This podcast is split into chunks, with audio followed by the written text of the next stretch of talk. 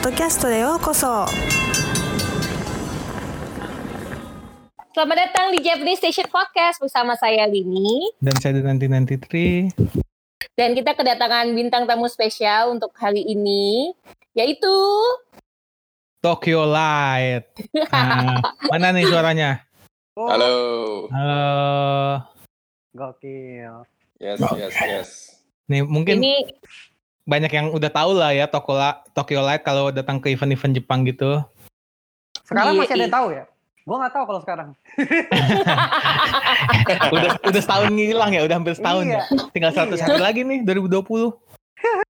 ya ya ya event Jepang kan udah lagi lagi pada ini ya bawa kemarin kayak ada Dai- Daijo Book Club di online ada Ogotaku di online tapi kayaknya untuk band-band pada belum ya Susah juga sih. iya Setupnya dari susah sih. Iya. Beberapa kali sebenarnya kayak ngeliat komunitas kecil-kecil gitu di Bogor. Sama gue lihat di Jakarta ada yang mulai coba-coba live streaming sih buat band. Cuma ya mereka masih mencoba.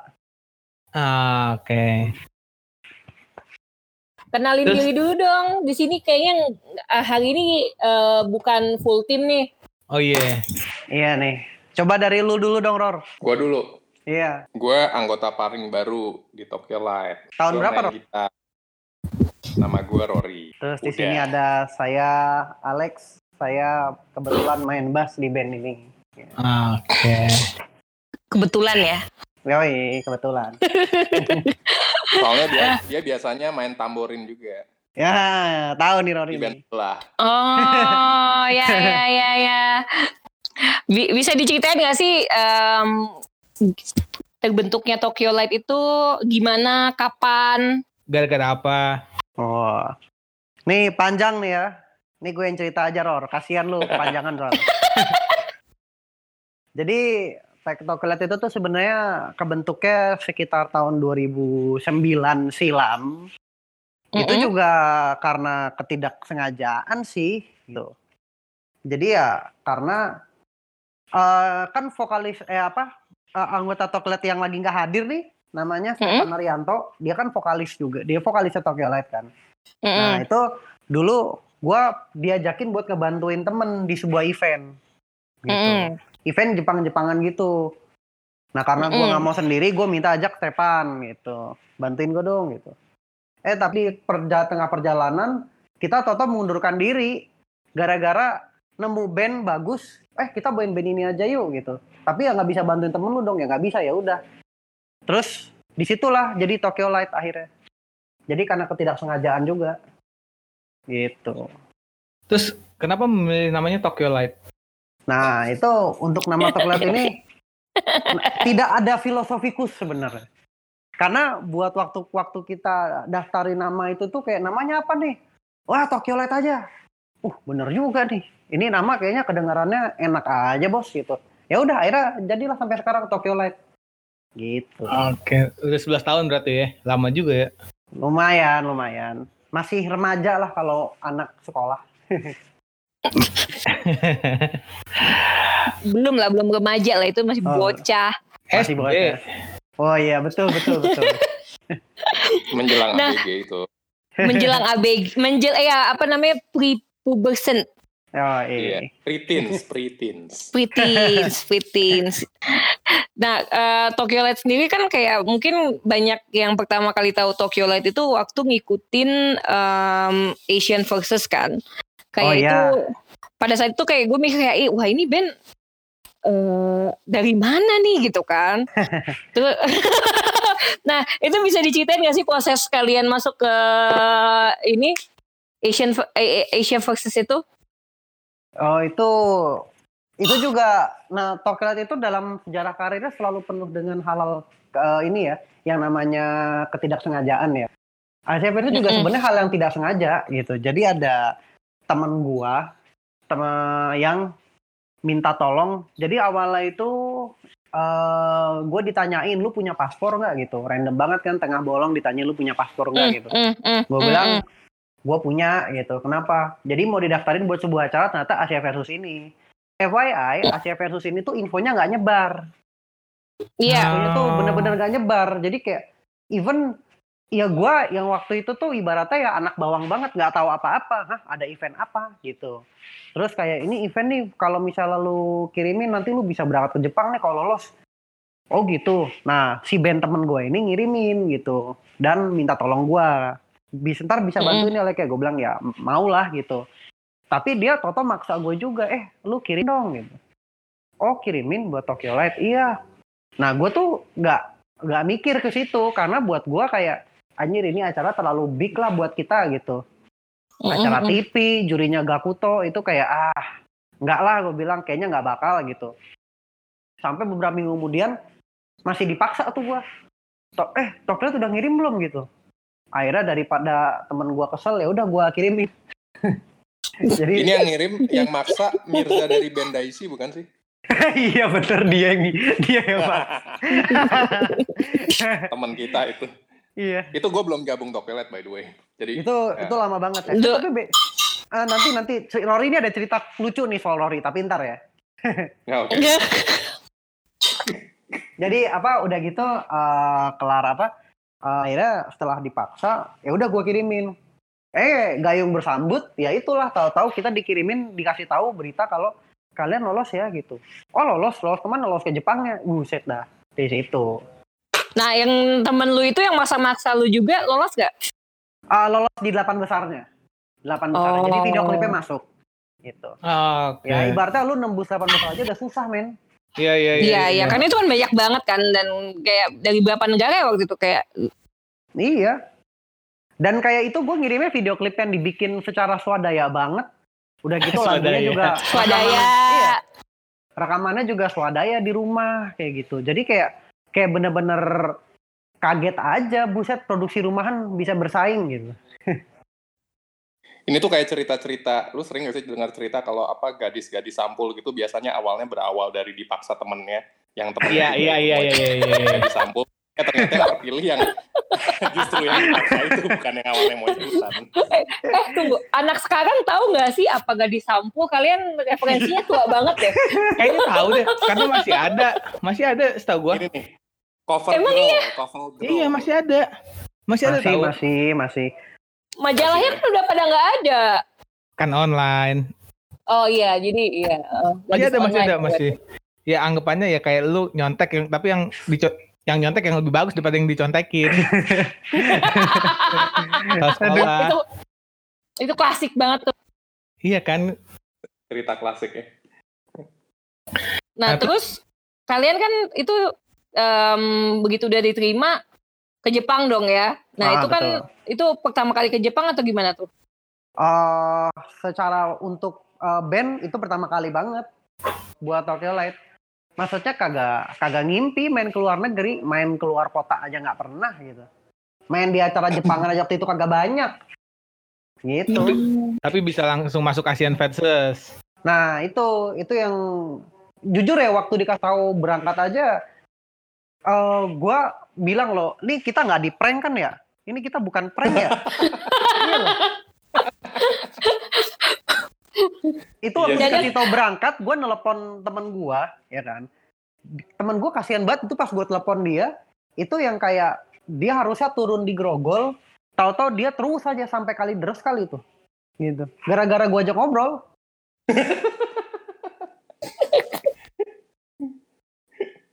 gitu. Di itu dong ceritain mungkin banyak yang penasaran kayak pas di sana kayak proses syutingnya, proses penjuriannya Oh, apa sih iya. yang tak terlihat di di di layar kaca? Eh, kalau misalnya proses syutingnya, jadi sebenarnya sebenarnya seperti syuting di mana-mana ya, maksudnya di Indonesia di mana cuma memang gue belum pernah kan masuk TV zaman itu gitu kan. Tokyo itu belum pernah Mm-mm. masuk TV, jadi kayak kita kaget banget kayak oke check sound, oke lah check sound emang benar-benar harus ini ya, harus on time of course gitu. Iya. Dan meskipun tapping, mereka kayak ya lu nggak ada nggak ada ruang buat kesalahan, kecuali masalah teknis lu nggak boleh ngulang gitu. Ah, Nah, Hmm. udah gitu kayak eh dan gua salut di itu kan mereka kan sebelum berangkat itu minta layout panggung ya sama sama sound mau kayak gimana sistemnya gitu kan hmm, ya udah hmm. kita Hmm, bikin tuh kita bikin layout panggung terus udah gitu kita bikin juga sih sistemnya kayak gimana soundnya. Dan ternyata pas lagi cek sound itu mereka nandain semua dan bener-bener jadi pas syutingnya kan itu dikosongin tuh panggungnya panggung dikosongin. Pas lagi giran kayak tampil itu total dalam waktu nggak nyampe 5 menit udah ber udah channel semua udah lengkap udah aman. Gitu. Oh, nggak Itu kayak di kayak- sini ya, rebutan channel. Iya, itu, itu di sana masing-masing bawa channel sendiri kali gitu. Terus ya selama proses juga gue eh, di situ tuh ada banyak beats-beats yang nggak masuk di tayangannya sih. Jadi kayak banyak obrolan-obrolan yang kayak juri dewan juri banyak yang kaget kayak gitu. Kayak eh, apa namanya? Ada yang juri dari Indonesia, Mas Reno. Oh itu iya. sempat kaget ya karena Mas Reno pikir musik kita tuh bakal seperti apa. Nggak taunya pas kita tampilin kayak wah saya ekspektasi saya ternyata berbeda ya gitu. Cuma lucunya ekspektasi dia ternyata adalah yang dia sukain gitu. kayak gitu. Hmm. Terus dan yang paling apa dan yang gue suka di situ semua jurinya bener-bener ngasih ini yang ngasih sarannya bagus. Kayak Kuto aja ngasih saran itu bagus banget gitu. Kayak Doi, Doi itu orangnya bener-bener bener-bener apa ya kayak kayak bisa gue bilang sangat belak-belakan gitu. Dia ngomong terang-terangan di depan kayak saya tidak naruh banyak perhatian ke kalian gitu. Karena dia bilang waktu ngeliat kan ah ini ya biasa aja kayak gitu kan. Cuma waktu dia nonton dia terkejut dia ngomong wah saya terkejut ternyata di luar ekspektasi saya kayak gitu kayak Termasuk ngasih saran soal baju ya, Lek.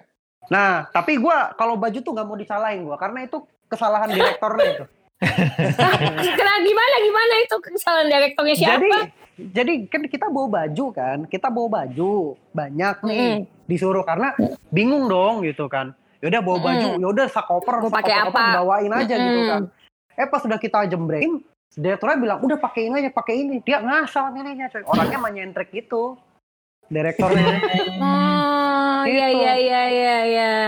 Rata- Rata-rata director Jepang emang nyentrik ya Rin ya. Ya, ya, ya, nyentrik sih, eh, kancingnya ada di belakang tuh kadang-kadang. itu itu pengalaman banget gitu. Kan itu iya gue iya iya. tuh apa si si Alek pakai bajunya kalau nggak salah pakai baju Hawaii warna kuning gitu ya, itu tuh nyokap gue yang beliin Iya. itu tuh Iya, baju itu Hawaii tadi- gue inget gini loh itu tuh baju itu gue bawa buat jalan-jalan gitu. Jadi nyokap gue tuh waktu ngasih ke gue nih bawa nih buat jalan-jalan gitu kan gue tuh mau pakai buat jalan-jalan eh gue lupa terus sialannya kenapa gue nggak turunin baju itu gitu loh kayak gitu Malah dipilihnya yang itu ya. malah disuruh kan gue jadi bingung ya ah terserah kalian lah yang bayarin kalian gitu. Iya iya iya iya iya iya benar benar benar benar. Tuan rumah ngomong gini mau gimana gitu kan. ya. Iya. Tuh, dan dan secara penilaian juga ini sih ketat banget waktu acara itu kayak kan kita head to headnya sama band Jepang itu kan. Band Jepangnya juga Mm-mm. keren keren banget. Maksudnya kayak eh pas di sono itu kayak kita tuh cuma kalah voting aja gitu. Cuma yang menarik adalah ternyata turns out kayak beberapa abis abis acara itu gue dikasih email, email yang menjelaskan kenapa gue juga kalah voting gitu loh. Jadi gue seneng karena mereka Ah, benar-benar wow. ngasih, Hmm. iya ngasih saran tuh bagus banget. Jadi mereka adalah beberapa hal teknis yang menurut mereka kayak, um, jadi menurut mereka tuh kayak kalau kalian dimenangin sekarang nanti kalian nggak berkembang gitu. Ya Ah. kita sih, Oh. kita sih ya udah seneng banget gitu dan jujur memang gelar-gelaran ya bukan ini kita, bukan inceran kita. Yang penting pengalamannya lah ya. Iya, iya, bener. Kayak begitu. Oke. Nah terus Tokyo Ya. kan ke- kemarin sempat bikin tour ya ke Jepang ya. Oh iya, sempat Mm-mm. sempat ya. Nah Ah. itu tuh kalian emang pak sendiri apa ada kayak eh, apa IO sana yang buat narik kalian atau kalian dapat invitation? Oh, Buat ke sana. jadi kalau itu memang invitation awalnya. Jadi ada sebuah acara namanya Kansai Music Conference. Mereka ngundang Tokyo Light, cuma kayak eh, mereka nggak bisa ngebayarin kita kan. Mhm. Jadi kita Hmm. mikir itu gimana ya caranya? Maksudnya ya udah kita cari duit nih. Eh duit duit udah kekumpul kayak saya nggak sih lu kalau misalnya lu udah keluar duit segitu banyak cuma main satu tempat. Akhirnya Hmm. kita atur tuh. Nah udah gitu aturnya itu di ini tau nggak lu dibantuin sama ada teman gua dulu dia mantan manajer Tokyo Light cuma sampai sekarang kita masih keep close contact gitu. Mhm. Hmm. Nah, dan Do itu yang akhirnya militan tuh. Militan nyari tempat, nyari tempat, nyari tempat gitu kan. Gue juga nyari, nyari, nyari. yang tadinya kita target cuma main tiga tempat jadilah 10 tempat kayak gitu Wow. begitu Tapi pas lu perform Hmm? tour Hmm? di sana itu jatuhnya berarti kayak gigs gigs event ya? Apa tempat gede gitu? gigs ini gigs live house gigs event Oh gitu iya, iya live house ya. Iya. Nah ini yang menarik sebenarnya kan, lo kalau mau bikin tour di Jepang kan sebenarnya mudah selama lo punya uang ya sebenarnya. Mm-mm. Karena Iya, lo kan tinggal booking booking live house kan. Nah Iya. cuma Iya. kemarin gue approach-nya karena via email sama gue gue bener-bener nge-approach via musik. Jadinya gue nggak perlu bayar apa pun kayak gitu.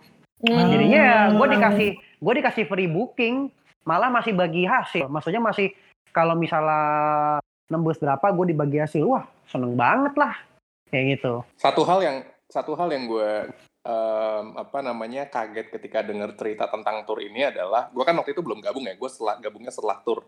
Oh, Itu- iya. Em, habis itu kan gue diceritain sama Alex turnya bagaimana teknisnya. Itu gue jadi berkesimpulan bahwa kalau live music di Jepang kayak live house live house gitu seperti yang di dialami oleh Tokyo Light itu dibuat masyarakat sana, at least yang di perkotaan gitu ya, itu udah kayak orang nonton, maybe kayak nonton bioskop gitu ya. Jadi kayak itu regularly ada live music di live house gitu. Iya, iya, iya, Iya, iya. iya. Em, apa mungkin kayak orang akan datang ke sana nggak tahu bandnya apaan gitu tapi ya datang aja lah siapa tahu ada yang keren gitu. Kayak kita nonton nonton film gimana sih ke bioskop kan kita cuma nonton trailernya doang. Kita nah ini tapi kita nggak tahu itu Iya. apa gitu. Paling nggak kita cuma dengar namanya doang. Kita eh, datang eh, apa namanya habis itu baru review. Oh iya tadi bagus kayak gitu. Ini tuh kayak kayak gitu eh, apa namanya bedanya dengan kalau di Indonesia di Jakarta gitu ya mungkin ya. Kita datang nonton musik adalah kita bisa nonton ke festival-festival atau nonton band-band yang kita sudah pasti sukain band-band besar gitu. Tapi jarang sekali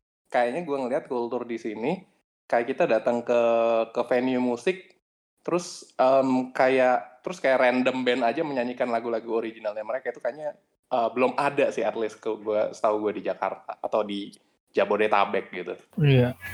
Karena di sini pasti datang cuma buat konten IG story. Kalau di sana kan lu beneran nikmatin musik kan. Betul. Iya kan, iya kan. Iya kan. Gua, sumpah, gua, gua, gua waktu itu ke Summer Sonic apa keman apa iya Summer Sonic Kagak, Iya. kagak ada HP melayang. Kagak. kagak, nggak boleh juga kan ya. Tapi memang benar kalau misalnya kayak di Jepang ya udah kayak lu Dina Iya. memang nonton konser dan nonton konser nggak buat kayak eh bro gue lagi di sini loh Iya. Iya. Hey guys. Dan kayak konser di di sana itu ya lu nonton cari band-band baru yang belum ada. Kayak gitu. iya betul betul betul Iya dan Iya, iya. jadi memperluas apa eh pengetahuan musik lu juga kan jadinya. Betul, betul. Dan yang mereka cari itu emang musiknya like ya. Ya, iya. Kayak ada kan maksudnya salah satu yang salah satu penonton gua itu yang di sono itu ya yang ngomong kalau oh, saya nggak tahu Tokyo Light kata dia. Saya bahkan nggak tahu musik kalian. Jadi dia cuma dapat dia beli CD-nya karena si toko record store yang di kota tersebut itu mempromosikan. Gitu kan. Hmm. Kan emang kita naruh poster kan, poster kecil-kecilan gitu. Nah, terus dipromosikan lah sama mereka gitu. Jadi kayak ini ada band Indonesia main gitu. Dan ternyata kata dia dia cuma modal lihat itu terus dia datang nonton dan dia kaget gitu. Kayak wah, Hmm. apa namanya kayak terus seperti ini live kalian gitu. itu Kalau di sini kita mau nonton band kayak di di venue gitu, misalnya di bar atau di kafe itu biasanya alasannya bukan karena musiknya, tapi karena pengen nongkrong sama temen atau Iya. Iya, betul. aja. Iya. Demi sosial light. betul, betul.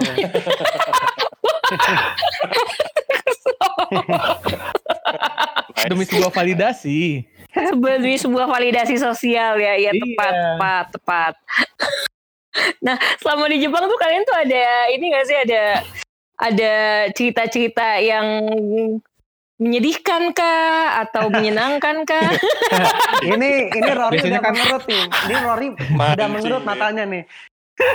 Karena biasanya kalau band apalagi cowok semua ceritanya banyak banget kan. Iya. Gua ada dua cerita lah. Maksudnya ada pokoknya yang menyenangkan sekali ada, terus ada yang tidak menyenangkan juga ada gitu. Kayak Ah, ah. Bagusnya gua hajar aja langsung dari yang tidak menyenangkan ada sih itu kita ditinggal kabur sih itu. Kayak Nah, gitu. tinggal kau tinggal kabur gimana? ditinggal Gimana tuh kabur. like, ceritanya like? Oh lu gak tahu Ror? Coba diceritain dong. iya. Coba intinya- diklarifikasikan.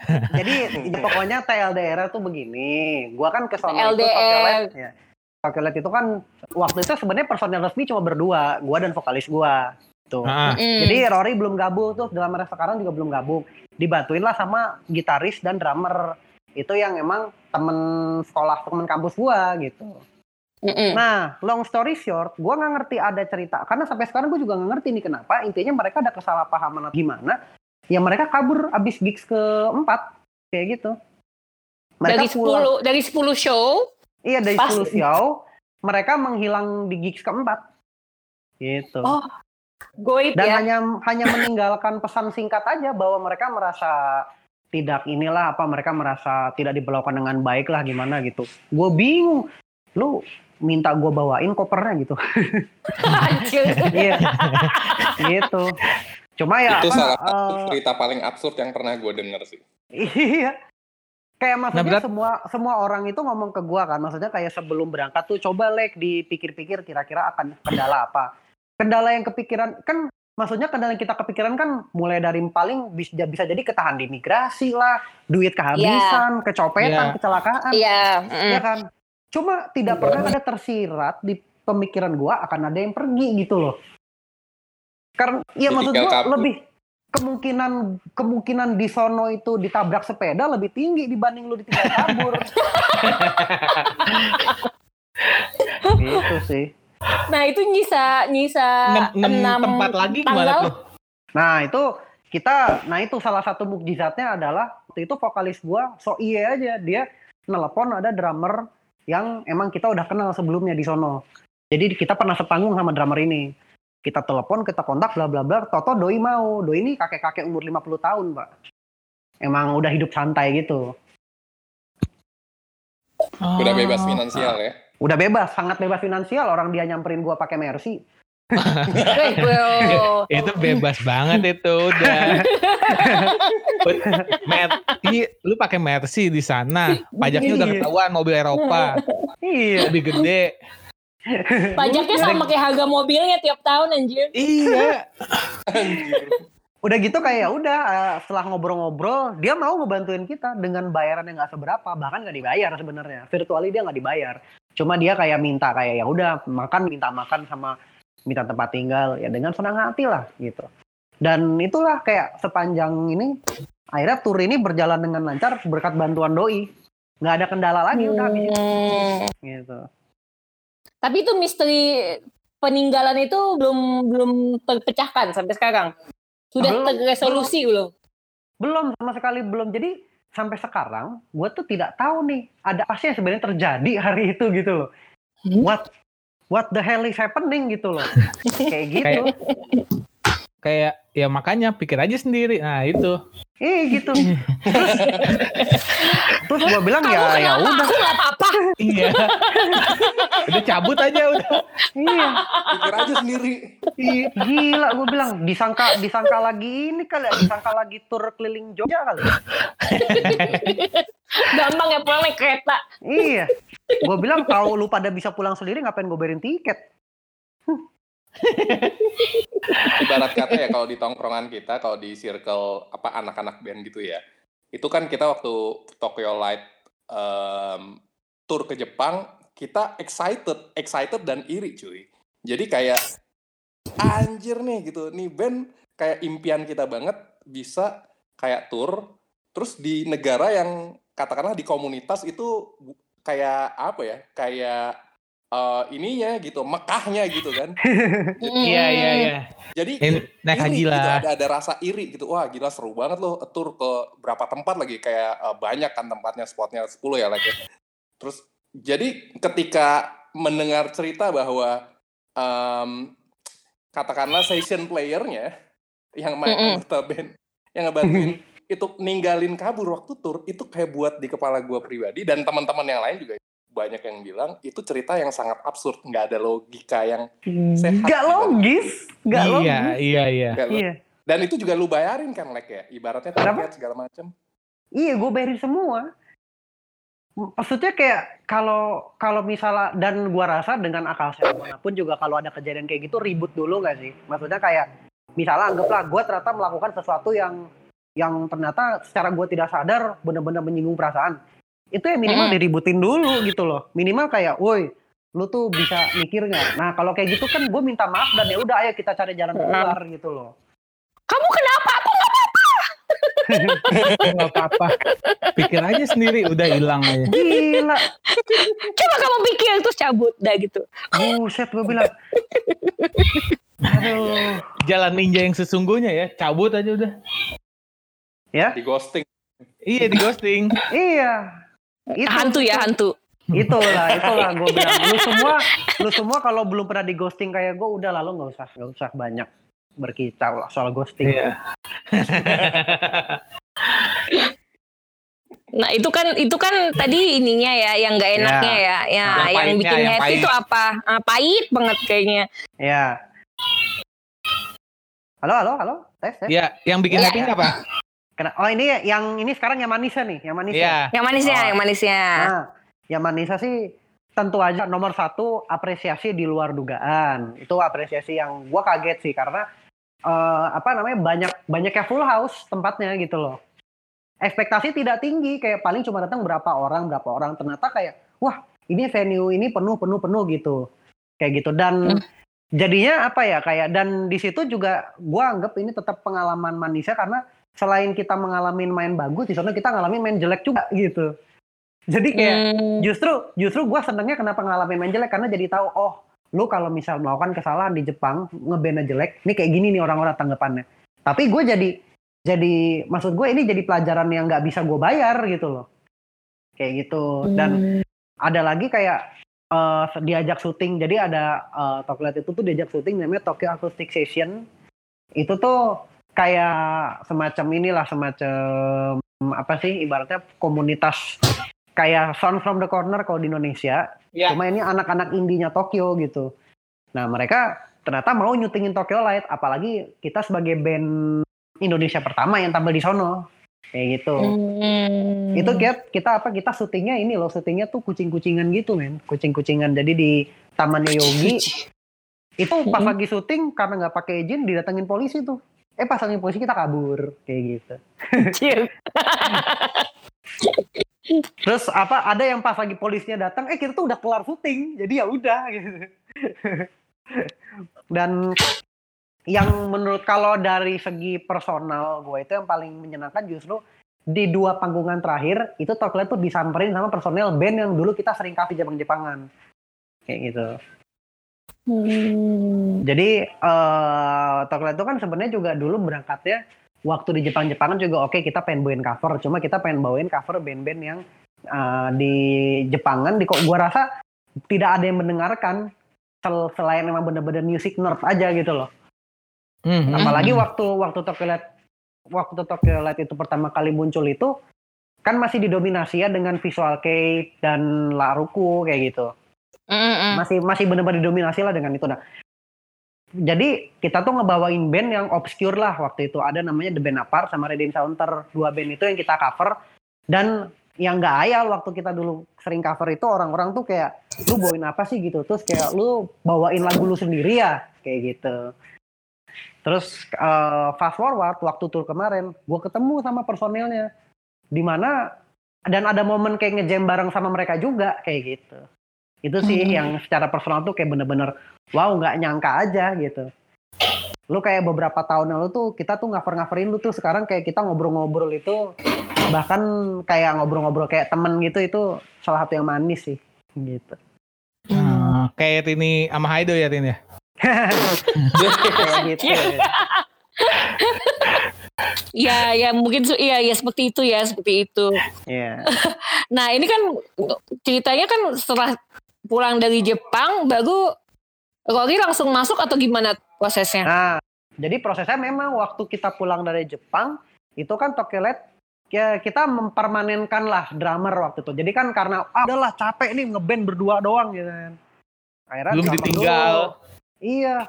Akhirnya kita apa menyerahkan kontrak gitulah menyerahkan kontrak gabung dengan mahar berapa juta pound gitu ke drummer kita sekarang namanya Bita. nah terus kalau Rory itu emang udah temen lama gitu kan sama Rory. Udah temen lama bla bla bla. Terus kayak wah gitaris sih gitu kan. Sebenarnya memang kayak kayak nama Rory itu udah masuk tuh lo di bursa transfer kita waktu itu. Buset. iya. Kayak wah ini kayak siapa nih? Waktu itu kita nyari yang juga bisa nyambung dengan kita gitu jadi eh Ro- gayung bersambut ternyata Rory juga menyerahkan ini. Dia menyerahkan surat transfer pengen pindah klub deh. Jadi ya udah. Karena dia Jadi- pengen kitanya juga pengen ya langsung taken kontrak. Berapa puluh juta Jadi waktu itu gitu. jadi waktu itu yang gue laku gue gue proaktif gitu. Gue kirim email ke Alex. Kirim email men. Oh, jadi gue gue japri dulu kan ke chat gitu kan. Like gue kirim email ke lu ya gitu nah di email itu gue kayak menyatakan lamaran gue gue mau jadi gitarisnya Tokyo Light kayak gitu gitu Ah. itu itu keren sih kayak ibaratnya baru pertama kali nih gua ngeband ada yang menyerahkan surat transfer kayak gini Oh memang emang udah jika diber- berkenan gitu ya. Iya. Tapi iya memang sudah diperbincangkan Rory itu Rory itu bukan nama asing, bukan orang lain buat kita gitu. Jadi kalau ngobrol-ngobrol, wah Rory, wah, ya udahlah langsung aja gitu. Tekan kontrak deh dia. Begitu. Eh, Dan memang waktu hadir Rory juga kita langsung keluarin single per single ya Rory ya.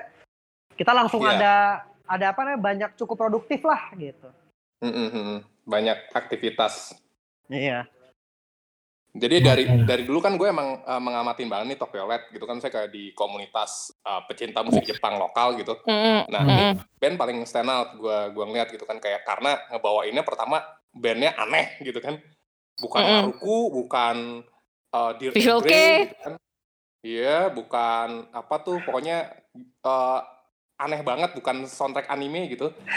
Terus tapi original gitu kayak soundnya beda aja gitu dan gue suka sih dan bisa bilang gue juga fans sama Tokyo Light gue selalu dua CD-nya dua dua album dan uh, mini album dan uh, albumnya gue beli gitu. Kaosnya gue beli gitu. Jadi kayak gue emang ngikutin banget. Jadi bahkan dulu gue sempat wah seru juga nih anak-anaknya. Terus gue tahu kan si Alex uh, gue sering ngobrol-ngobrol gitu kan. Kayak Lex lu dengerin musiknya apa? Ternyata selera musiknya tuh nggak sesuai sama umurnya gitu.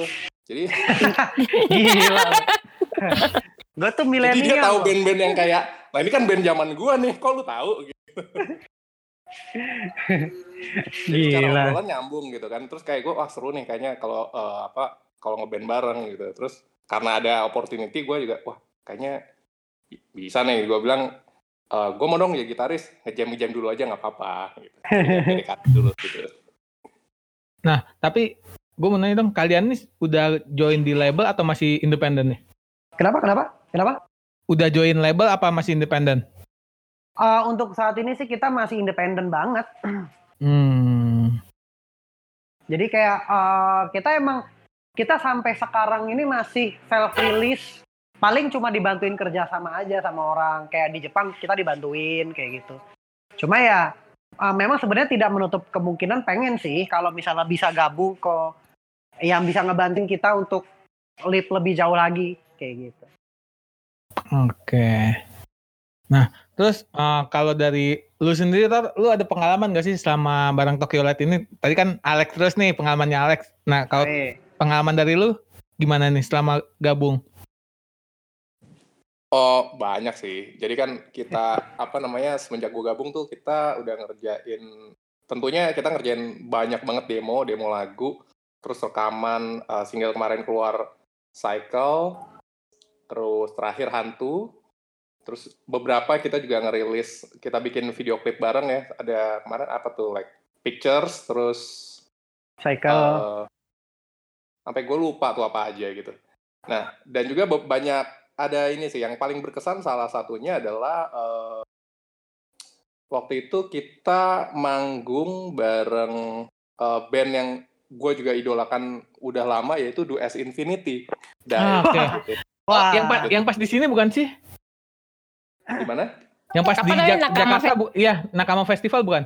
betul. Betul betul. Oh iya kan. Ya, Iya, Nakama iya, Festival iya. itu itu lumayan berkesan karena awalnya adalah kita diajakin em, ikut festival ya, oke lah gitu kan. Iya, ba- padahal kita nggak tahu ini siapa yang nge, apa nyelenggarain gitu, tapi karena tawarannya cocok, oke. Nah, tapi yang kaget adalah ada ada bintang ada bintang tamu internasional, oke. Ya udah kita nggak mikir siapa tahu-tahu siapa Dues Hmm. Infinity. Kaget kan, anjir Dues Infinity datang sini gitu. Eh, Dan- Iya, dan perta- awalnya itu eh, jadwal kita itu kan eh, apa ya kayak sore siang hari mending Ror, hari pertama tadinya kalau nggak salah ya. sore. Oh gitu oh sore, ya. sore, sore, sorry, sore. Iya, Jadi kan kayak Nakama Festival tuh ada dua hari. Iya, Nah, betul. Yang Duets Infinity itu hari kedua kan. Ya, Dan Mhm. di acara puncaknya lah bisa dibilang gitu. Jadi yang datang ke sana tuh banyak fansnya Duets Infinity. Nah, Tokyo Light itu tadinya dijadwalkan kayak sebelum Dai ada kayak tadinya tuh you know idol group gitu. Nah, Iya. cuman somehow kita nggak nggak tahu kenapa beberapa hari kalau nggak salah hari H eh eh, ini nggak kalau pindah jadwal keberatan nggak gitu. Terus kita di di di diajukan eh, pemindahan jadwalnya yang adalah pas sebelum Dues Infinity. Ya, gas dong. Iya iya iya. itu itu kita jujur ya, maksudnya kita kayak kaget sih, kayak waduh. Jadi maksudnya itu acara kan cukup ajaib lah dengan segala macam Iya. bisnis yang beredar Iya, Iya iya iya iya iya iya. Nah, cuma memang orang-orang nggak ada yang nggak ada yang malas. Nah, semuanya pada malas kalau nanyain pengalaman Tokyo Light karena kita cuma bisa ngomongin baik-baik aja di sono. Iya iya. iya. Iya, Karena itu juga merupakan pengalaman buat kalian, ya kan? Iya, betul. Karena gitu. banyak performer lain yang bete sih sebenarnya di acara. Kita kita pengen solidarity tapi kayaknya kita nggak baik untuk solidarity. Jangankan bandnya, medianya pun sama. Oh gitu ya. Iya, karena gue datang juga. Japanese Station Iya. juga ngeliput ya. Liput, liput. Media iya. Cuman Iya. enaknya waktu itu kita dapat special access buat interview spesial Duas Infinity tuh dari semua media Oh cuma ya. Japanese Station yang dapat video. ah, itu lumayan juga sih kayak lihat siapa vokalisnya Eh, Tomo Pan. Tomiko Fan. Iya. It- mukanya nggak berubah coy Paham. Iya kan parah itu gue pas lihat itu- langsung itu kayak ada ada cerita ini juga tuh Ror. Lu tau gak sih Ror waktu Nakama Festival itu kan gue bawa temen gue kan inget gak lo Ror? Iya, iya. Ada temen gue tuh itu tuh ternyata fans. Mario. Jadi iya itu tuh ternyata fans sampai matinya Duas Infinity. Jadi ada ada temen gue, gue ajak lu mau dat, apa mau nonton ke Duas Infinity. Wah mau dong gitu. Nah dia tadinya cuma pengen nonton. Lu tau gak dia dapat ngerokok bareng gitarisnya Duas Infinity di backstage di backstage di backstage kan gue kasih akses kan. iya iya iya Doi bilang kayak wah gue sekarang juga seneng kali gue udah ngerokok bareng. Ibarat kata tuh Dues Infinity, gue itu gue dengerin dari zaman SMP ya. SMP, SMA gue dengerin gitu kan. Eh, Mm. Bukan yang Fukai Mori-nya doang, gue emang ngulik Ya. eh, diskografinya gitu kan. Nah, iya sampai satu tahun sebelum gue main sama Dues Infinity itu setahun sebelumnya itu gue masih cover cover cuy. Masih cover cover bantuin band teman gue ada yang band cover khusus Dues Infinity gitu. Ah, dan oke. satu tahun yang lalu tuh gue masih mengcover lagunya mereka di jeje- acara Jejepangan gitu. Jadi agak agak agak surreal sih. Kayak setahun berikutnya ini gue main sama band benerannya gitu. Ah, oke. Nah ini kan udah mau setahun lah ya pandemi ya Apa? Ya. Udah mau apa? udah mau setahun pandemi nih Oh ya. kalian tuh udah nyiapin materi-materi atau udah ada misalnya mau bikin EP atau bikin apa s- abis misalnya ini beres langsung gua gas lah semua yang ide-ide yang kita punya atau apa Nah. bikin video klip atau apa atau tuh lagi saja. mungkin Sudah ada. Kita tuh udah ada planning error ya. ada ada ada Nah. banget Jadi kayak eh, kita tuh sekarang selain ngumpulin materi, kita tuh materi udah cukup banyak dan kita juga lagi pengen kalau bisa ini memang merilis sebuah ya kisi-kisinya album lah ceritanya. Mhm. Cuma formatnya akan sedikit unik. Ya gitu. Ya kita belum mau ngebocorin banyak, cuma intinya kita pengen rilis album yang formatnya cukup unik. Ah, ya formatnya masih digodok lah Mm-mm. Ya, kayak begitu. Mm-mm. Karena kan saya nanti di pandemi ini kan semua kelar misalnya anggaplah di pemikiran optimisnya bahwa ini semua kelar cepet optimis dulu ya nah Iya, itu Iya, optimis. itu tuh kayak kayak semua semua musisi pasti akan tancap gas dong kayak gitu Iya, makanya semuanya. eh, Pasti. nggak bo- yang kita nggak boleh ya justru di saat seperti ini kalau memang masih masih bisa untuk berkarya kita bener-bener maksimalin kayak gitu Oke. gitu sih Nah, tapi eh, kalian di Instagram a- suka ada live session buat jamming gitu atau kegiatan-kegiatan lain di sosial media nggak sih? Eh, itu Ror ya kita pernah live Instagram ya Ror ya Kita terakhir live Instagram, terus em, kadang-kadang kita eh, ngadain pakai topik eh, topik seputar musik gitu, kayak siapakah gitaris terbaik menurut kamu gitu gitulah. Oh, obrolan-obrolan yang agak-agak apa ya musik lah misalnya karena kan Iya, iya. kayaknya pendengar kita juga itu kayak anak band gitu kan. Terus em, yang suka musik gitu. Jadi anak-anak yang pendengar musik banget. Jadi eh, kemarin sempat kita beberapa kali live Instagram ngebawain topik-topik yang yang yang inilah yang seputar musik gitu. Karena lucu sih em, beberapa beberapa pendengarnya itu gue kan ngajar gitar ya Hmm. jadi eh gue cukup kaget ketika beberapa murid gue itu mendengarkan Tokyo Light gitu. Iya kak, aku dengerin Tokyo Light lagunya eh, oke gitu. Ah, lu dengerin Tokyo Light gitu. Jadi kadang-kadang eh, lucu juga karena Tokyo Light kan bisa bilang bukan band yang apa yang nongol di TV atau gimana gitu kan. Cuman kadang-kadang menemukan ada pendengar Tokyo Light terus kayak misalnya dia dia adalah murid gue gitu gitu. Oh, Hmm. dengerin juga gitu. Jadi eh, apa lumayan ini ya, lumayan itu pengalaman yang yang menyenangkan ketika lu jadi musisi gitu. Ketika Iya, iya, iya. karya lu tuh secara tidak terduga didengarkan sama ini, didengarkan sama itu gitu. Dan Kayak bahkan gitu. kayak kayak ini kita beberapa kali nemuin komen di YouTube gitu. Jadi ada orang ngomong kayak eh masa gue tahu kalian justru dari temen gue yang orang Jepang kayak gitu. Kayak kita kaget aja, hah? Jadi lu tahu kita justru gara-gara orang Jepang gitu, iya. Dan ada satu komen yang cukup sampai sekarang masih masih kebayang, maksudnya masih cukup membekas sih. Jadi Iya, iya. eh, si komentar ini tuh bilang dia tuh orang Jepang, dia bilang I am a Japanese, terus gue dikasih tahu musik kalian dari guru gitar gue yang orang Jepang juga Wow. itu gue gue yang kayak wah gue nggak nyangka gitu kayak wow bener-bener ya kayak bahkan musik gue kan maksud musik Tokyo Light itu nggak semuanya berbahasa Inggris ada yang berbahasa Indonesia gitu Mm, mm, mm, mm, mm. dan ternyata it's still crossing the border mereka tetap mendengarkan juga gitu Iya. Hmm. Kalau gue pribadi, eh, waktu misalnya dalam proses pengerjaannya, misalnya kayak terutama yang di cycle ya, cycle itu kan buat Hmm. gue masih tergolong lagu yang eh, dibilang susah juga nggak susah-susah banget, tapi kayak bukan bukan komposisi musik yang yang yang umum gitu ya. Di tengah-tengahnya Toto ada ada ada metroknya kayak gitu, itu kan komposisi yang agak-agak beda gitu.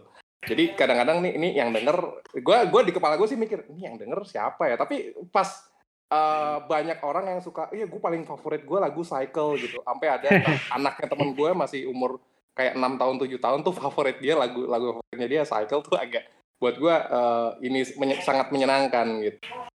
Jadi eh ya itu ini sih apa namanya em, tidak terduga sih. Karena kalau gua buat gue pribadi ya ketika em, ibaratnya proses kreatifnya gue nggak tahu kalau anak-anak lain. Tapi kalau gue pribadi gue sama sekali kayak lepas dari ekspektasi nanti orang ininya kayak gimana ya gitu.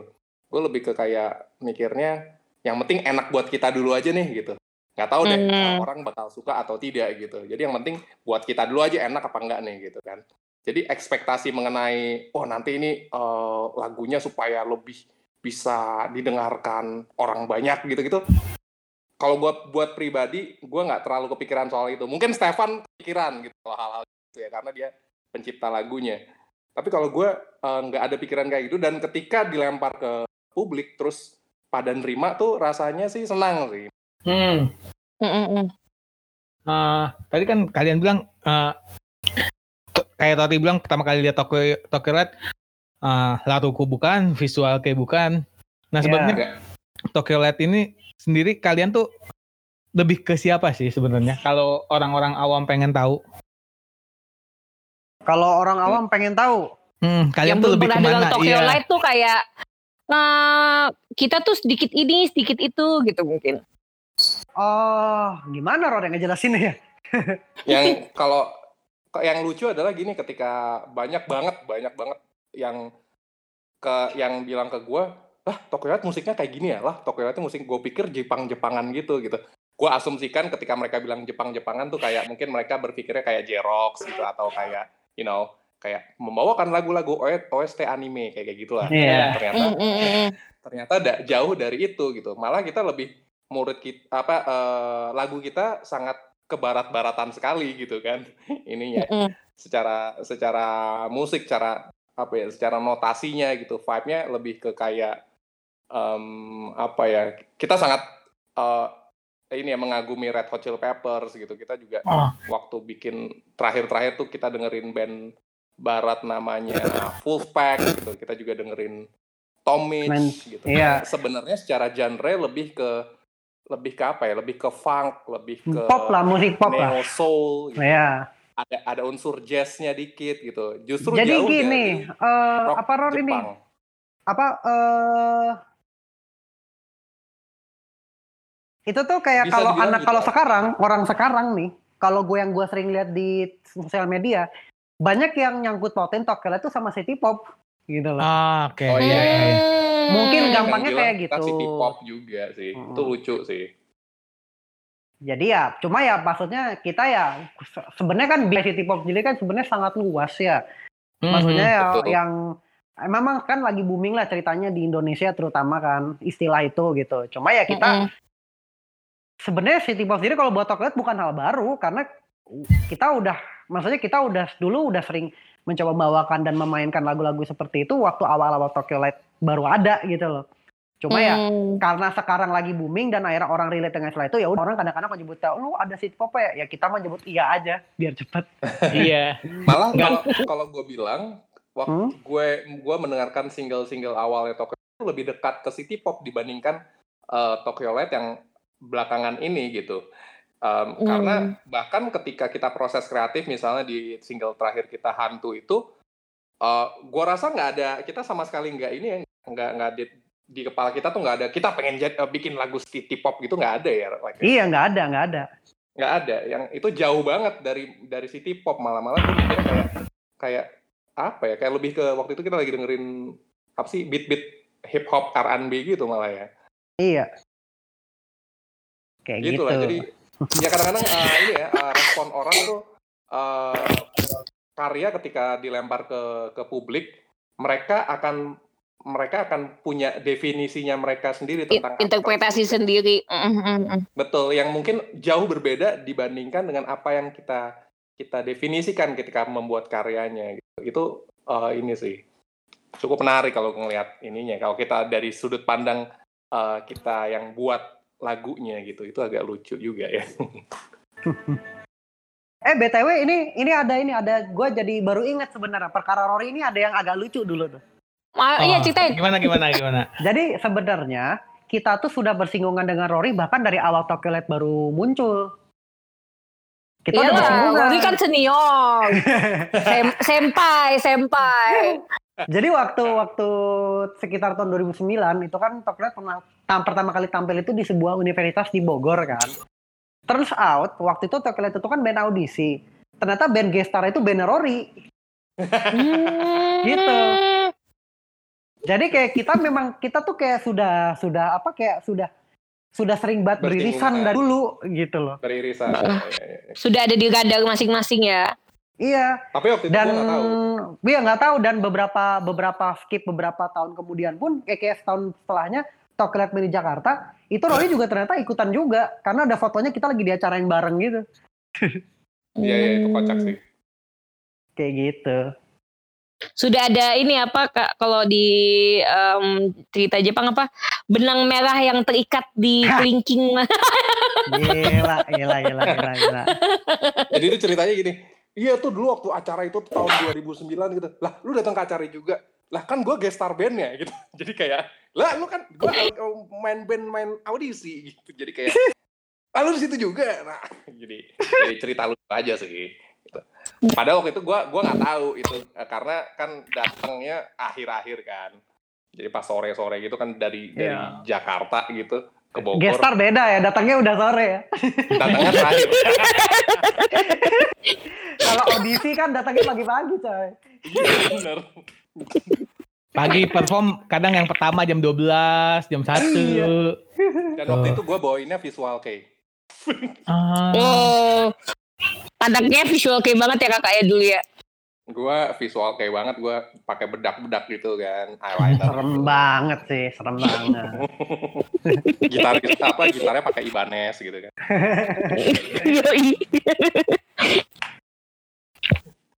nah, eh, kalian eh, nextnya rencananya eh, mau ngapain sih? Ada album kah, single kah, video klip kah?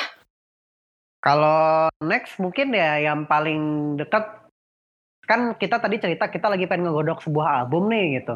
Mm-mm. Ya. Iya. Tapi Kita memang si album ini ibaratnya mungkin tidak akan rilis full, kita akan rilis kayak single-single dulu lah. Paling paling dekatnya seperti itu. Sama sebenarnya kita tertarik. Jadi kayak ini sih pengen pengen coba untuk kembali menjajaki kemungkinan untuk bermain di luar negeri lagi sih. Kayak gitu. Oh. Hmm. Di mana? Pengennya di mana? Jepang Amin, lagi. amin. Ya, kayak maksudnya sebenarnya kita kalau gue pribadi nih kayak kayaknya masing-masing aja kali jawab error ya.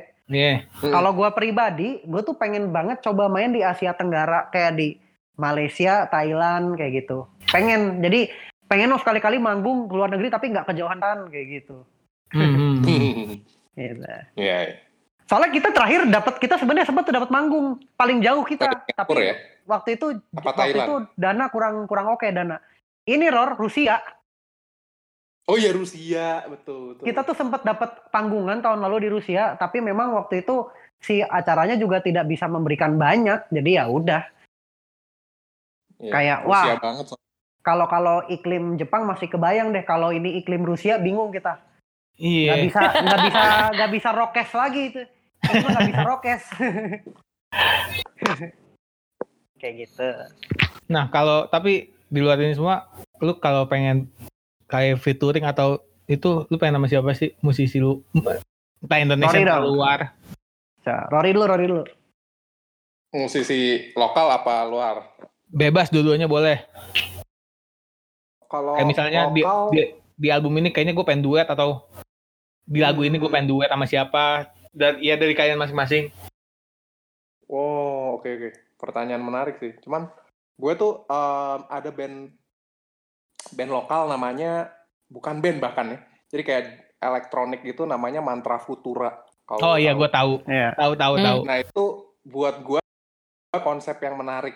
Gue bayangin sih kalau Mantra Futura itu eh, apa namanya? Gimana ya kalau mereka itu gabung sama band gitu. Terus Wah. kayak eh, mereka kalau nggak salah beberapa project ada beberapa dengan band kalau nggak salah. Ya gue ini sih waktu gue dengerin lagu-lagunya Mantra Futura, wah cakep nih kalau misalnya gue gue sempat pernah kebayang gitu, wah ini gabung sama Tokyo seru nih gitu.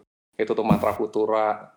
Terus eh lokal Danila sih. Danila tuh pertama gue ngefans sama Danila.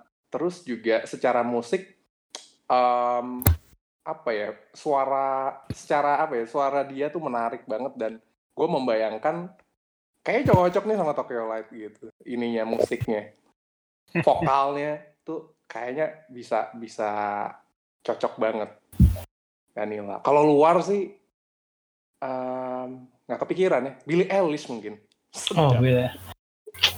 Ya Rini juga aturan bulan ini nonton ya Rin ya, gagal ya. Sayang sekali. apa tuh Billie Eilish.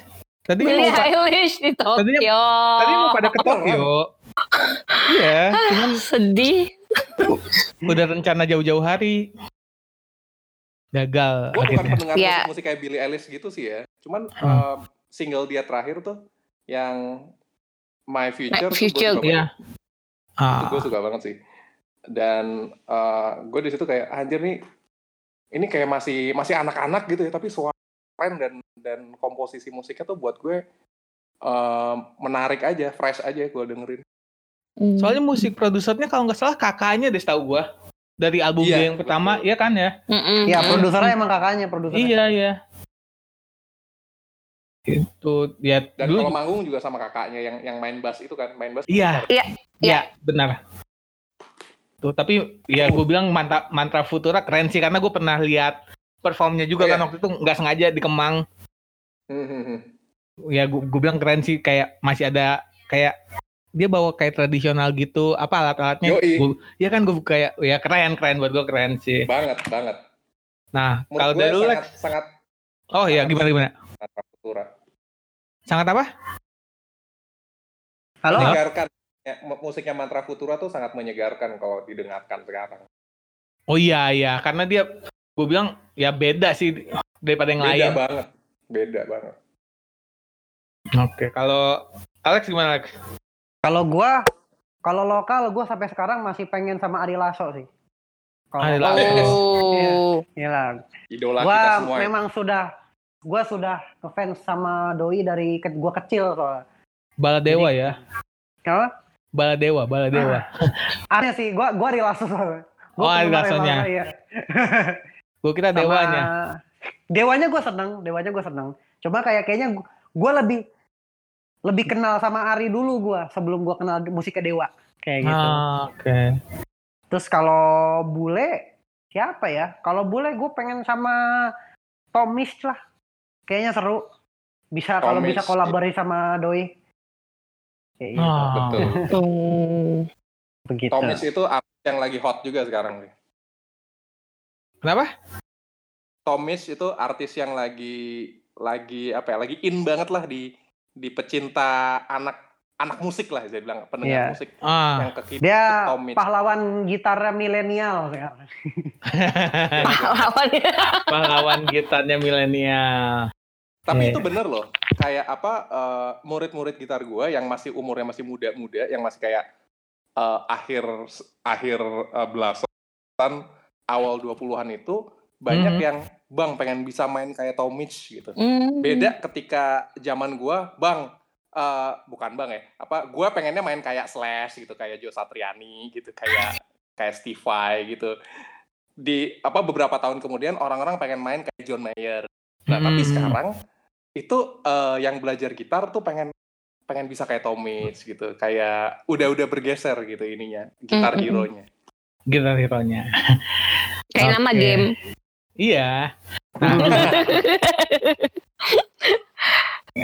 Iya, ja- jauh dari image gitar hero yang di game itu kan. Kalau gitar hero di game kan musiknya rock dan metal ya. mhm. Tapi Hmm. gitar hero yang, Hmm. em, generasi katakanlah eh, di 2020 ini gitu kan, itu musiknya lebih yang laid back gitu.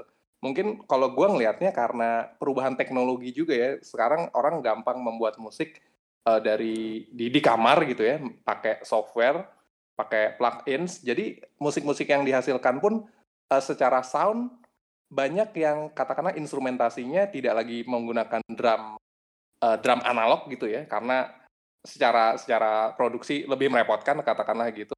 Dan banyak yang pakai beats kan, beats beats digital gitu. Hmm, Tapi hmm. akhirnya kawin dengan alat musik yang eh, yang analog juga kayak gitar gitu, kayak masih ada bassnya. Tapi beatsnya tuh beats beats Hmm. digital. Jadi kayak perkawinan antara beat beat hip hop, tapi juga dengan musisi-musisi yang mendengarkan katakanlah musik jazz, musik blues gitu. Akhirnya terjadi Hmm. terjadi apa ya percampuran yang menarik. Output musikalnya jadi menarik dan dan fresh sih. Kayak Tomic ini salah satu contohnya kalau eh, contoh yang baik buat gue dari perkawinan musik-musik lama dan teknologi baru gitu. Oke. Nah, em, ini udah cukup lama juga kita kayaknya ya. Udah lumayan nih, udah mau sejam malah. Wow, Oh belum udah sejam ya? hampir dua kali.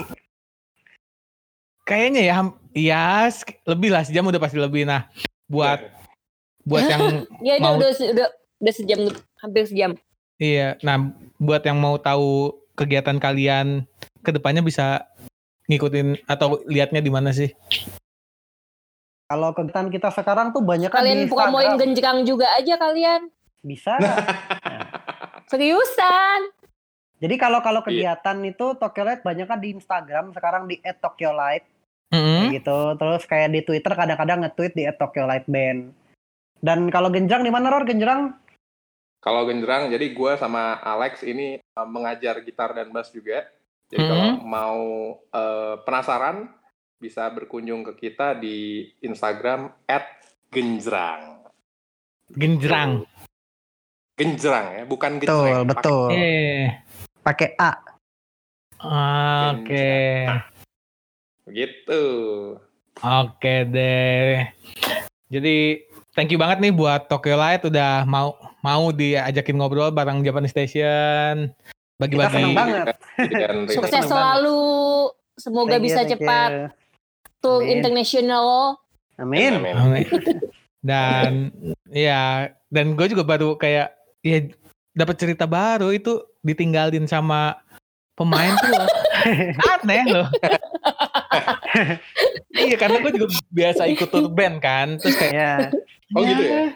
Iya ya gue gue kebetulan dulu sempat main-main apa ikut gue ju- ikut tour teman gue gitu band-band teman gue Mm-mm. Hmm. ya belum pernah ada kejadian kayak gini Ya, Ya, kan aneh kayak gua bilang tadi, lebih mungkin lo ketabrak sepeda dibanding kejadian kayak gitu. Iya makanya Ya, terima kasih atas bincang-bincangnya di episode kita kali ini. Terima kasih. Rory, terima kasih Alex. Salam ke Yeay. member-member lainnya. Jangan Siap. lupa kalau mau follow di tadi at Tokyo Light dan tok Oh. at Tokyo Light Band di Twitter Ya, nah sama dan dan Genjrang kalau mau belajar langsung, ya, Iya. Bisa. gitu. Bisa langsung cek ke at Genjerang. Yoi. Oke deh, Baik, semoga terima kasih semuanya pendengar Siap. kita. Sampai jumpa di episode selanjutnya, udah nggak usah disebut lah. Bi- biar kalau kebutuhan ngedit gampang. Gak perlu ada episode-episode. Oke deh. Bye semuanya. Stay safe. Bye. Bye. Bye.